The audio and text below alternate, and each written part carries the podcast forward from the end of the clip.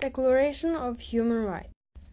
I have gotten a task to answer if I think we need a Declaration of Human Rights and which one of the human rights I think is the most important one.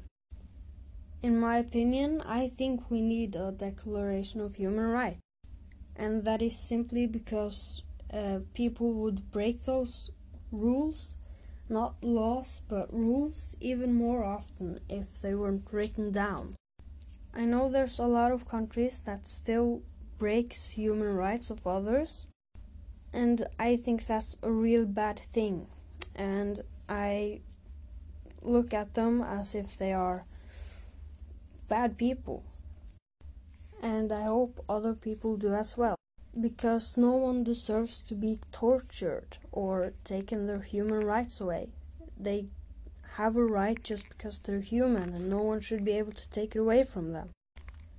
I also think that we should start teaching our children to follow these rights when they're young so that they grow into knowing what they shouldn't do to other people.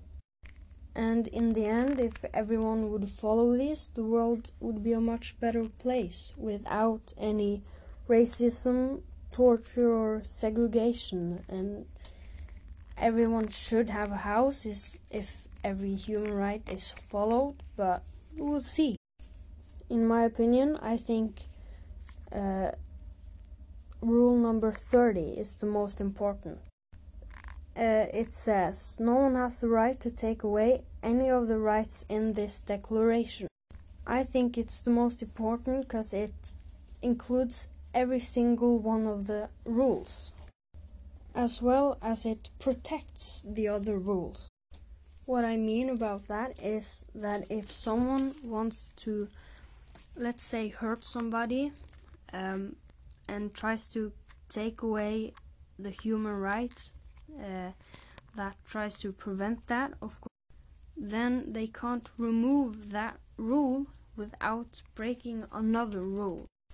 So they'll still go around being the person that has break, broken a human right. And I think that's a good thing.